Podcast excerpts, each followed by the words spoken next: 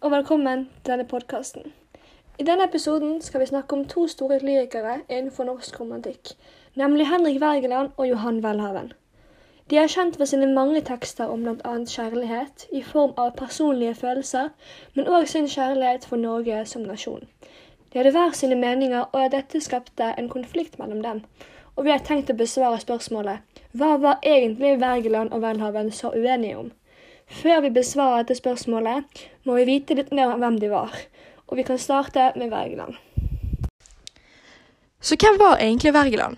Henrik Arnold Wergeland, også kjent som bare Wergeland, er en av Norges største lyrikere gjennom alle tider. Faren til Wergeland han het Nikolai Wergeland, og han var en av de 112 mennene som skrev Grunnloven på Eidsvoll, også kalt en eidsvollsmann. Dette preget trolig Wergeland sine tanker om Norge som en selvstendig nasjon. Eh, men han var ikke bare lyriker, han var også en av Norges mest seriøse dramatikere, med både skuespill, tragedier og også farser. En farse er altså et teater eller en film med da intensjon om å underholde seeren. Han var forfatter, samfunnsdebutant, avisredaktør og riksarkiver også. Og som forfatter så holdt han på med mange sjangre, men ble mest berømt for sin romantiske poesi, som nettopp er hovedtemaet i denne podkasten. Nå som vi vet litt mer om hvem Wergeland var som person, kan vi se litt mer på noen av verkene hans. I Norges litteraturhistorie er Wergeland kanskje den fremste av poetene. Blant høydepunktene i forfatterskapet er diktet Den første sommerfugl fra 1837, kjærlighetsdiktet Den første omfavnelse fra 1838 og diktene Til forrare og Til min gyllenlak, som er to dikt som er skrevet på dødsleiet. Wergeland skrev også store dikt, som det grensesperrede verket Skapelsen, Mennesket Messias fra 1830 og Den forfulgne dysluksen Jan van Husum, blomsterstykke fra 1840. Wergelands dikt har ideer og bilder som uttrykker en intens livsfølelse. I små detaljer spilles de store livsspørsmålene omkring kjærlighet og død, religion og historie, og identitet og menneskelighet.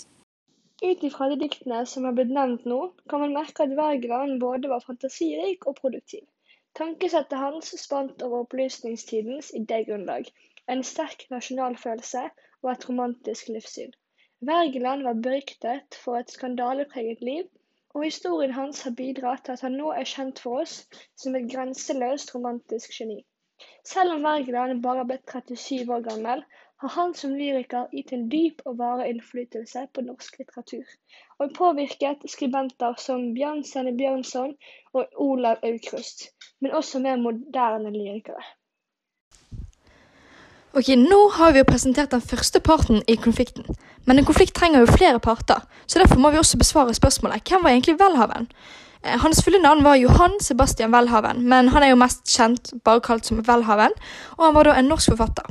Han bodde i Bergen store deler av sitt liv og var elev ved Bergen katedralskole, som er en populær skole i Bergen også i dag. Eh, han ga da ut Sonettsyklusen i 1834, og dette var da en tekst som inneholdt en klage over det han da oppfattet som kulturløshet i det norske samfunnet. I denne så fremstiller han Norge med sin eh, stolte, skjønne natur, strenge livsvilkår og sin usle åndskultur. Litteratursosiologisk representerer han en moderniserings- og profesjonaliseringsprosess. Welhaven jobbet fulltid som litteraturkritiker. Som dikter er Welhaven grunnleggeren av en tradisjonslinje i norsk litteratur for en idealistisk lyrikk med strenge rammer rundt annet form på diktene. I 1839 skrev Welhaven et kjærlighetsbrev til Ida Kierulf hvor han annet skrev Med meg er det begynt en norsk litteratur etter den europeiske opplysnings standpunkt og forandringer, og dette stemte veldig da han som sagt var grunnleggeren av en ny tradisjonslinje. Han skrev ikke bare kjærlighetsdikt eller samfunnskritiske tekster. Welhaven hadde også en sterk mening om hvordan Norge skulle komme seg videre som nasjon etter Grunnloven fra 1814. En av grunnene til at han senere ble en danoman, var familiehistorien hans. Welhaven ble født i Bergen, men hadde tyske aner på farssiden og danske aner på morssiden. Welhavens farfar, Johan Welhaven, hadde innvandret til Bergen og blitt lærer, og senere jobbet han i Mariakirken, som var kirken for byens tyske menighet. Welhavens far var prest, og Welhavens mor var datter av Johan Kammermeier og Maren Heiberg. Maren Heiberg tilhørte den danske grenen av den norske Heiberg-familien, og var en kusine av den danske dikteren og kritikeren Johan Ludvig Heiberg. Dette slektskapsforholdet betydde mye for Welhavens intime kontakt med dansk kulturliv, da han følte en dypere kontakt med det danske. Nå som dere vet litt mer om hvem de to partene var, skal vi gå nærmere på hva den kjente omtalte konflikten mellom de handlet om. En svært sentral og viktig del av konflikten startet etter unionoppløsningen med Danmark i 1814. På den tiden var det mange som hadde ulike tanker om hvordan Norge skulle komme seg videre som nasjon, spesielt med tanke på språk. Av de sterke ulike meningene så oppstod det da en språkdebatt mellom eh, danomene og patrione, og denne debatten handler ikke bare om selve språket i form av grammatiske tema, men det handlet om selvstendighet, nasjonalfølelse og demokrati. Nå som dere vet litt mer om hvem de to partene var, skal vi gå nærmere på hva den kjente omtalte konflikten mellom de handlet om. En svært sentral og viktig del av konflikten startet etter unionoppløsningen med Danmark i 1814. På den tiden var det mange som hadde ulike tanker om hvordan Norge skulle komme seg videre som nasjon, spesielt med tanke på språk. Av de sterke ulike meningene så oppstod det da en språkdebatt mellom Eh, danomene og patrione, og denne debatten handler ikke bare om selve språket i form av grammatiske tema, men det handlet om selvstendighet, nasjonalfølelse og demokrati. Ene parten av konflikten besto av danomanene, også kalt Intelligenspartiet. Dette var da et politisk parti hvor tilhengerne ønsket å bevare den språklige og kulturelle forbindelsen Norge hadde hatt med Danmark.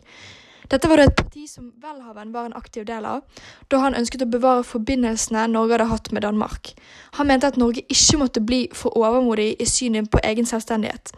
Han mente derimot at Norge måtte gjennom en utvikling fylt med lærdom før det kunne bli en kulturnasjon. Intelligenspartiet støttet også Welhaven i den senere striden mellom Welhaven og Wergeland. Partiet hadde da konservative tanker om hvordan landet skulle styres, og hvordan tekster skulle skrives. De skilte seg også til kritiske um, datidens demokratiske bevegelser og endringer.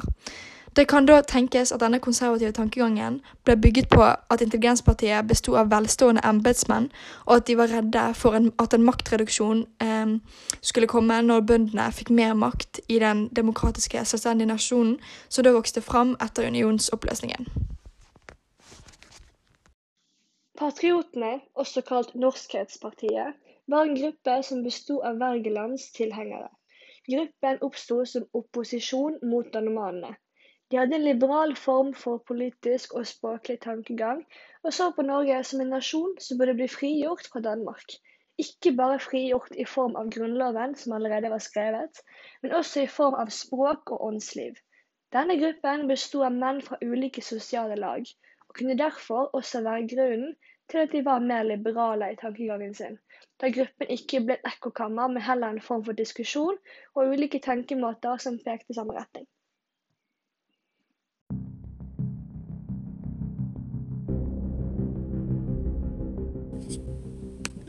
Både patriotene og danomanene var viktige da striden mellom Welhaven og Wergeland brøt ut på 1830-tallet.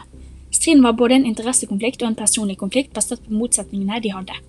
Synet på diktning og Norges forhold til Danmark var hovedessensen i konflikten mellom de to fremtredende forfatterne. 15.8.1830 publiserte Welhaven et kritisk dikt mot Wergeland i Morgenbladet, og diktet het Til Wergeland. Diktet starter med at Welhaven skriver Hvor lenge vil du rase mot fornuften, hvor lenge vil du svinge Donekuks sverd? I disse setningene raser Welhaven mot Wergelands skrivemåte og hans personlige uttrykning i teksten han skrev.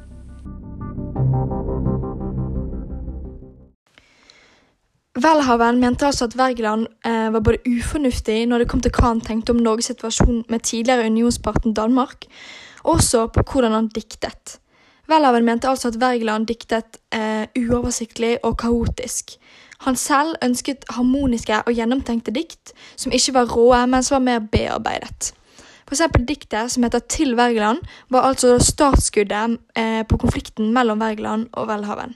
Konflikten brakte seg da over lang tid og handlet både om synet på det nasjonale og synet på selve diktningen i seg sjøl. Den baserte seg på temaer som hvordan kunsten skulle være, hvordan litteraturen skulle være, og hvordan Norge skulle forholde seg til Danmark etter unionsoppløsningen. Den politiske og nasjonale uenigheten var i en periode en konflikt mellom Intelligenspartiet og Norskhetspartiet. Senere ble det satt et mer personlig plan etter Welhaven, um, og han publiserte diktet til Wergeland. Fra den dagen så skapte disse nasjonale uenighetene en personlig strid mellom Wergeland og Welhaven.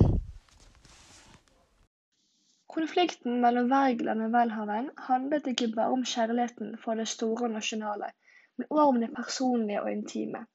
Welhaven hadde nemlig en kjærlighetshistorie med Camilla Collett, søsteren til Wergeland. Camilla Collett hadde et forhold med Johan Welhaven etter de møttes i 1830. Forholdet var krevende for begge parter, da de var betatt av hverandre, men var i en vanskelig situasjon. Camilla sto nært både faren og broren, som ikke delte meningene og synspunktene til Welhaven. Det er nok ikke enkelt å ha et forhold med søsteren til rivalen din. Camilla valgte derfor å avvikle forholdet i 1837, da Welhaven hadde fridd til hennes venninne. En som vitnet forholdet mellom Velhaven og Collett, sa en gang For Velhaven ble forholdet til Camilla en episode, for henne ble det skjebne. Hun giftet seg senere med en fra velhavens krets, og ble senere en viktig norsk forfatter med romanen Amtmannens døtre. Dette kjærlighetsforholdet var en faktor for hvordan konflikten mellom de to partene utviklet seg, da det bidro til å gjøre språkkonflikten mer personlig mellom de to.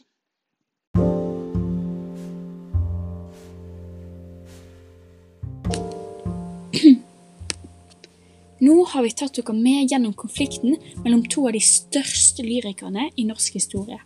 Vi håper denne podkastepisoden var lærerik, og at dere fikk utbytte av den. Takk for oss.